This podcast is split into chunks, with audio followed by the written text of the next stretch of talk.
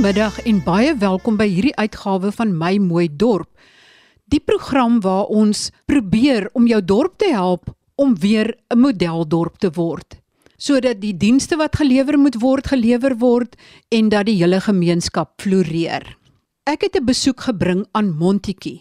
Dit is 'n mooi skoon dorpie met mooi strate, mooi geboue, sterrias myn wat teen die heininge rank. Dit is deur die kort Kogmanskloofpas verbind met Ashton. Ek gesels met twee inwoners van Montetjie. Mariletta Mandi is verbonde aan die toeriste kantoor en sy gee vir ons 'n oorhoofse prentjie van Montetjie. Die goed en die minder goed. En dan kuier ek by Wilma Christoffels in die industriële gebied waar sy met haar helpende handjies baie baie honger magies volmaak. En dalk uit die dinge wat Mariletta vertel, kry jy dalk idees hoe om dit in jou dorp toe te pas. Lekker luister. Ek sit op die stoep van 'n hotel, 'n pragtige Art Deco styl hotel en daar is heelwat ander baie mooi geboue in Montetjie, in die Hoofstraat en Langstraat, ou geboue, Art Deco geboue en nog meer. Ek gesels met Mariletta Mandi. Sy is verbonde aan die toeriste kantoor van Montetjie. Mariletta, wat is die dinge in Montetjie wat besoekers trek? As jy eers deur daai gat in die muur of die gat in die rots gekom het, dan besef jy dat jy in 'n ander wêreld is. Dit is so mooi met die berge rondom ons. So ek dink ons is geseën met die berge wat dan nou baie uh, buitemuurse aktiwiteite vir ons gee. Bergklim, rock climbing, uh, fietsryroetes, stap, sommer net maklike paadjies, moeilike paadjies. So is een van die groot goed. En dan dink ek ook ons is daai plek waar dit stil en rustig is uit die stad uit. Net 2 ure se ry, maar dit voel asof jy in 'n totaal ander plattelandse omgewing is. So ek dink dis die dis die groot goed wat trek, die wonderlike sonskyn, die droë vrugte, die muscadel.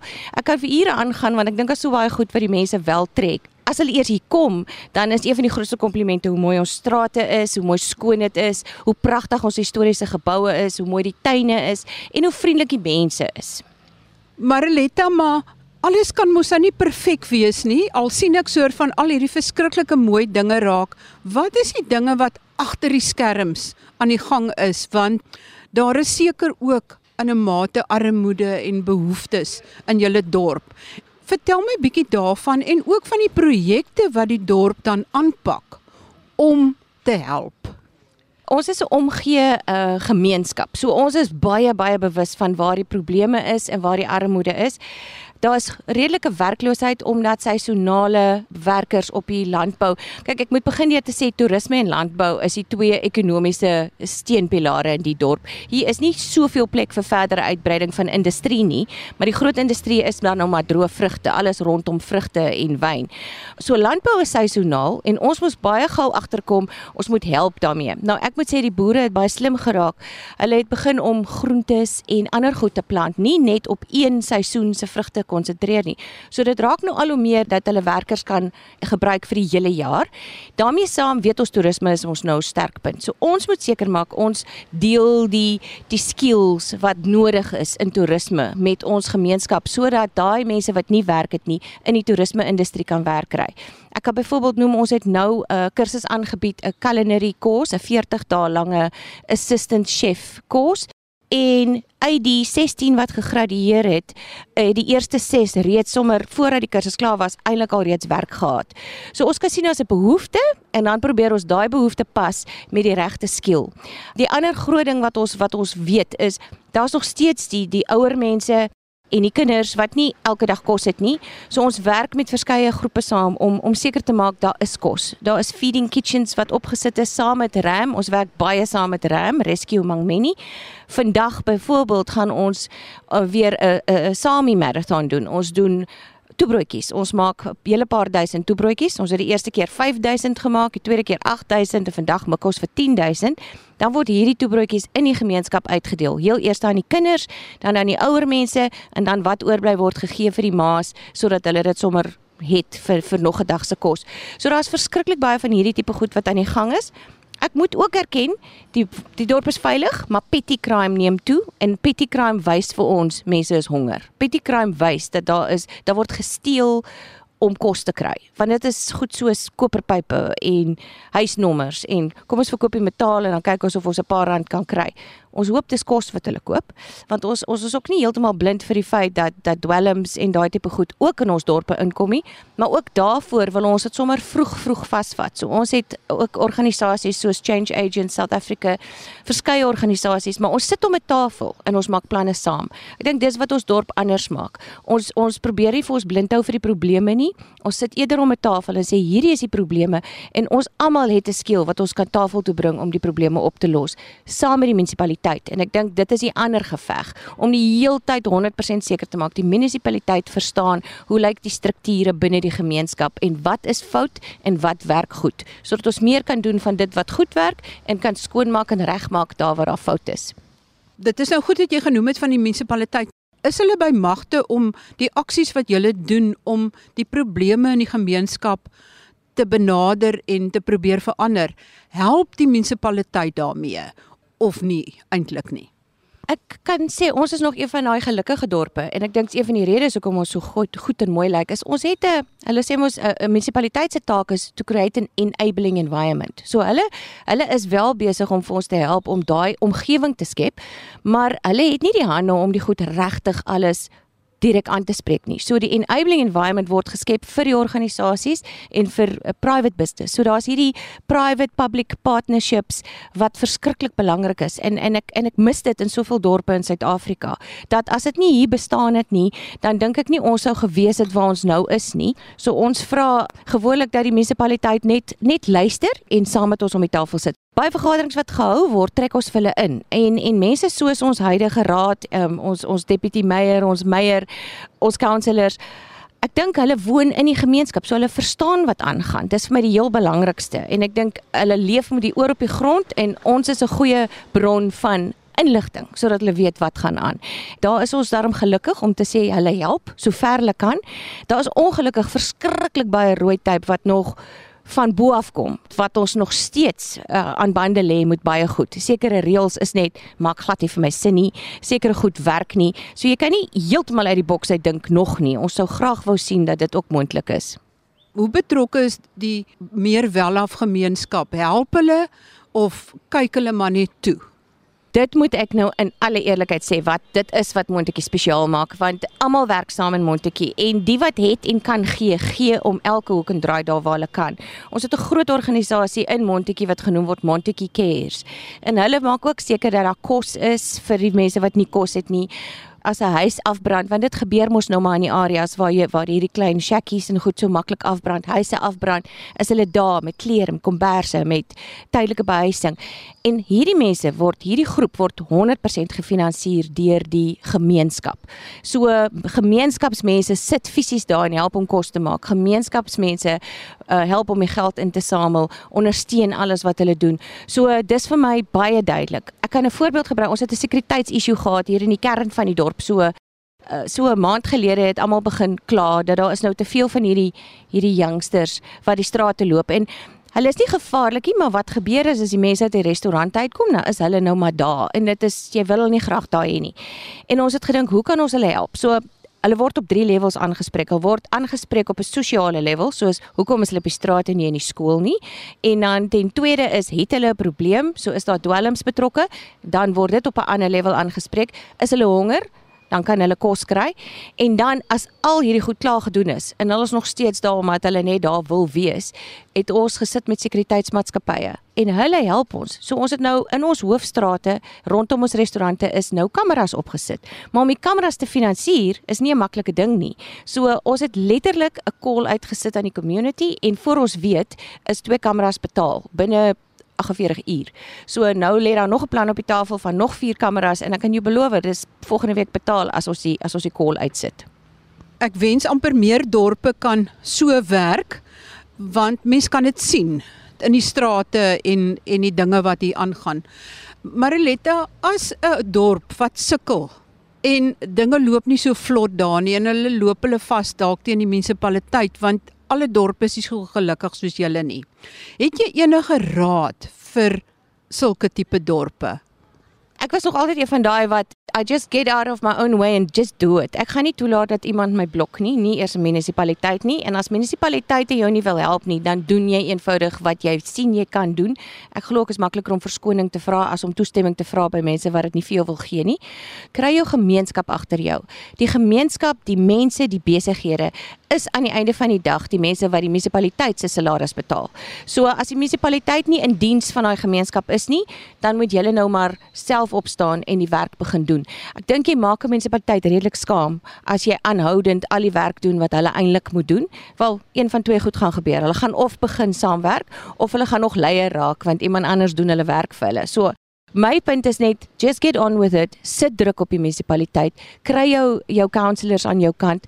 Praat direk met jou meiers, praat direk met jou munisipale bestuurders en kry hulle om 'n tafel. Moet nooit met een man praat nie want elkeen speel politiek. So kry hulle almal saam om 'n tafel sodat elke persoon wat om die tafel is sy rol kan speel. Kyk, polities het hulle ook boksies wat hulle moet tik. So ons as 'n gemeenskap help hulle baie keer om daai boksies te tik. So kry hulle om die tafel, verduidelik vir hulle wat die rol is wat jy kan speel. Moenie sit te wag nie. Ek raak baie benoud as ek hierdie post sien op Facebook waar iemand sê, "Die munisipaliteit moet asseblief my sypaadjies skoonmaak." Nee wat jy sou raai, jy kan sommer jou eie sypaadjies skoonmaak. Dis nie die heel ergste nie. Die munisipaliteit moet konsentreer daar waar werk regtig nodiger is. Jou sypaadjie hier in die Boedorp is nie 'n probleem nie.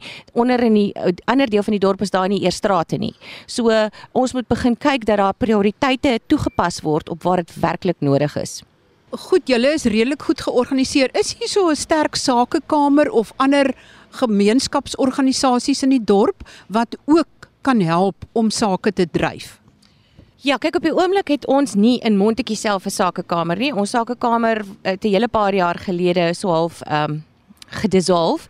So toerisme dryf eintlik uit ons kantoor uit dryf ons alles op hierdie stadium. Daar is nou word groot stappe geneem vir sakekamers. Daar's 'n nuwe sakekamer in Robertson, so hulle gaan nog by ons kant ook uitkom. Ons deputy mayor Johnny Steenkamp dryf baie hard aan sakekamers om die besighede te verteenwoordig. Ons is in die gelukkige posisie dat uit my ek dink ek het 200 Ek het heidaglik 223 tourism members en baie van hulle is besighede. So die groot besighede so Spar, Toyota, Cape Dry, hulle is almal lede want hulle verstaan dat die die dorp se bestaansreg hang baie nou saam met toerisme en ek dink COVID het ons 'n wonderlike les geleer toe toe ons kele afgesny is en toerisme net eenvoudig verdwyn. Het die dorpe sê wie kry almal swaar. Dis nie net die toeriste organisasies nie. Dit was die bandeplekke, die die petrolstasies, die die winkels almal kry swaar as daar nie toeriste in die dorp is nie. So dink in ons dorp is daar 'n redelike unieke situasie dat almal so afhanklik van toerisme en landbou is dat hulle almal inkoop in dit wat ons dryf. Het die probleme by die sagte vrugte fabriek in Ashton enigsins 'n invloed op julle? Ja, ons het almal baie tyd op ons knieë spandeer toe hulle gepraat het van die fabriek gaan sluit want dit gaan 'n invloed op ons hele uh, Langeberg area hê want hier is verskeie mense wat in Montetjie woon wat in Ashton werk. Ek dink Montetjie en Ashton is is aan mekaar gekoppel met Kogmans Kloof. Ons is soos in 8 km van mekaar af. So ons is 'n een eenheid en daar's baie mense wat daar werk. So al wat ons op daai stadium kon doen is ons moes vertrou dat die wat dit kon regkry om om die regte gesprekke te voer, moes dit doen en die res van ons sou hulle hande in die lug hou deur net aanhoudend te bid dat hierdie ding nie moet gebeur nie want dit sal 'n groot terugslag vir die hele gemeenskap wees. En ons weet dat van ons probleme wat ons nou besig is om kleiner te maak, gaan onmiddellik vir 3 dubbel as daai mense ook op straat is sonder kos. Dit is ooglopend dat hier baie historiese geboue in die dorp is en ook uh, geboue uit die era van Art Deco wat eintlik die dorp 'n baie mooi stemming gee. Hoe goed word daar gekyk na die historiese en die ouer geboue? En dit geld eintlik vir alle geboue wat ouer is as 60 jaar. Is hier 'n sterk erfenisbewaringsafdeling wat daarna kyk en die mense op hulle tone hou? Ja, kyk, daar was vir jare 'n uh, historiese groep gewees. Ons het hulle baie keer die Hysterical Organisation genoem, maar dit was goed hoe hulle gekyk het en seker gemaak het daar gaan nie 'n banner op of 'n vlag op of 'n geverf teen 'n gebou wat nie al mag wees nie. Maar ongelukkig het dit oor tyd het die organisasie ontbind en nou onlangs het ons 'n nuwe Historical Heritage Association gekreë. Hulle is gekonnekteer met Heritage South Africa, so hulle werk strictly volgens die reëls in die boek. Daar is die mense wat probeer wegkom, die wat 'n plek koop wat 'n historiese gebou is en probeer wegkom sonder om die reëls te volg en ja, soms soos ek ook gesê dalk vra hulle later eerder om verskoning voordat hulle maar ek dink die die invloed van hierdie organisasie word nou sterk gevoel. En soms moet jy 'n kompromie bereik want daar is soms geboue van hierdie ou geboue wat nie gered kan word nie wat so uh verkrummel nou al dat dit nou begin gevaarlik raak. So as hierdie gebou afgebreek moet word en iets anders gebou moet word, is dit hierdie mense se werk om te sit en te sê kom ons bou iets wat gaan inpas in my dorp, nie iets wat totaal soos 'n seerduim gaan uitstaan nie, sodat ons ten minste by die gevoel en die algemene ja, historiese look kan bly. Die reëls is streng met met historiese geboue, dan moet na hulle gekyk word. Dieselfde geld vir bome.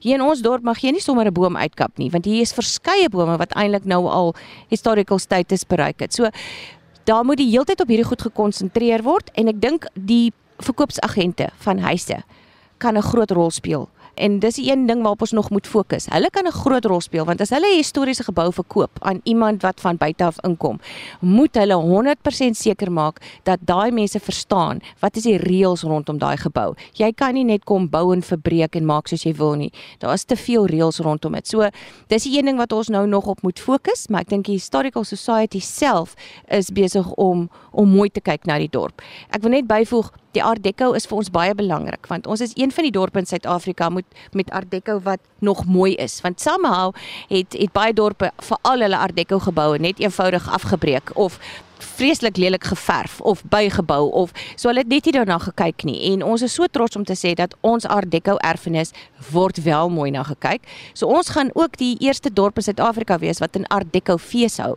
Volgende jaar Maart hou ons 'n Art Deco fees. Dit word genoem die Roaring 20s want ons is mos nou terug in die Roaring 20s. So dit is hoe trots ons op hierdie goed is en as dit die kern van 'n fees kan word, dan kan ek jou beloof gaan daar nog beter na gekyk word. Mariletta, ek verstaan julle is ook redelik betrokke by die kunste hier in Montetjie. Vertel vir ons bietjie meer daarvan. Ja, ek dink ons probeer juist die jeug, ehm um, veral die die die agtergeblewe jeug, probeer ons help om hulle kunsdrome uit te leef. Nou Ek het 'n goeie voorbeeld van ons het 'n organisasie Danscape South Africa hierso en hulle kinders kom almal basies uit Zolani uit, ehm um, hier kort diskant Ashton. En hierdie kinders het onder harde omstandighede het hulle elke middag na skool gaan dans want die dansonderwyseres het hulle vir het hulle geleer.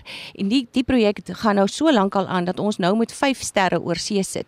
Een wat in Londen dans op al die groot verhoë in Londen, een wat in Kanada dans van wie hulle film gemaak het al. Ehm um, die ander een ook in Kanada het nou gekom en die hoofrol kom dans in Suid-Afrika vir Romeo en Juliet. So dis net wonderlik om te sien hoe hierdie jong mense uit letterlik hulle het op sement gedans. Ehm um, hulle is balletdansers maar het op sement gedans totdat ons dit reg gekry het om fondse bymekaar te maak om vir hulle 'n spasie te kry, vir hulle 'n spring floor in te sit, klein bietjie meer beter omstandighede te skep. En wat wonderlik is is om te sien as hierdie ehm um, sterre terugkom en weer met hulle gemeenskap kom kom saam wees en self 'n paar klasse kom aanbied, iets kom koreograaf. Dit dit gee 'n totaal ander positiwiteit onder hierdie kinders wat elke dag kom dans want hulle kan sien daar's 'n toekoms in in kuns ook. Ek dink meeste mense besef nie daar's 'n toekoms in kuns nie en ek kan net selfs sê van al die kunstenaars, fisiese skilderkuns. Ons het nou 'n uh, opening met Junie maand se uh, jeugmaand het ons 'n kunsuitstalling gehou van twee jong kunstenaars in die gemeenskap wat nog nooit die geleentheid gehad het om 'n uitstalling te doen nie. En dit was so wonderlik om te sien hoe hulle ondersteun is. Een van ons groot gallerye in die dorp, Belinda Jouwer se galery is oopgestel vir hierdie uitstalling en Hulle skilderye is van meeste is verkoop, meeste van hulle het nog kommissies gekry en van hier af aan het hulle nou vlerke want hulle het 'n vertroue opgebou wat hulle nie gehad het nie. Hulle selfbeeld is versterk en hulle en hulle begin value sien in kuns.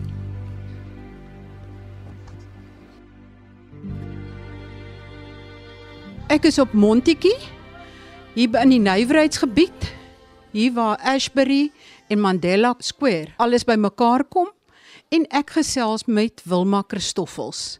want sy gee omtrent vir 70 kinders elke dag kos.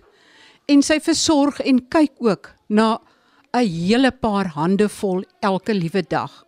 En in die wintertyd, die wintermaande wanneer die seisoen verby is en daar minder werk is, gee sy selfs vir tot 700 mense 'n dag kos.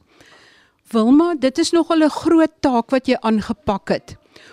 Hoe dit gebeur dat jy dit begin doen het? Het jy gesien dat jy 'n groot nood is of hoe dit gebeur?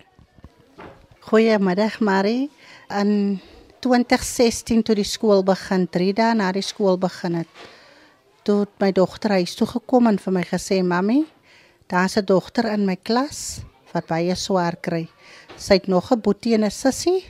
Uh hulle pa se tyd 5 maande gelede toe dood en hulle ma se alkoholus." En sy vra vir my of ek vir hulle wil help. En ek sê vir haar, "Anikwa môre, dan vat jy nie jou taxi huis toe nie.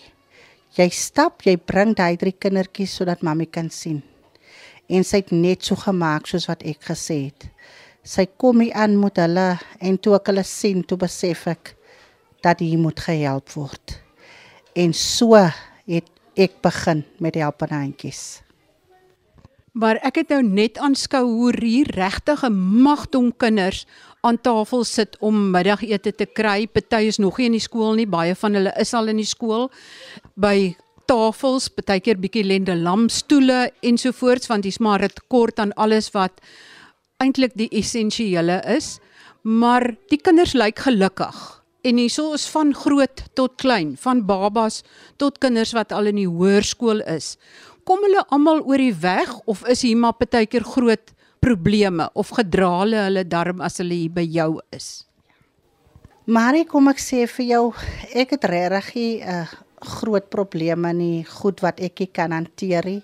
Die kinders toe hulle hier gekom het, was die omstandighede bietjie anders, maar soos die jare aangaan en die tyd aangaan, kon ek sien hoe daar verandering kom. So my kinders is nou op 'n level waar ek eintlik kan sê uh hulle is baie goed en ek kan hulle hanteer. Ek is baie dankbaar daarvoor.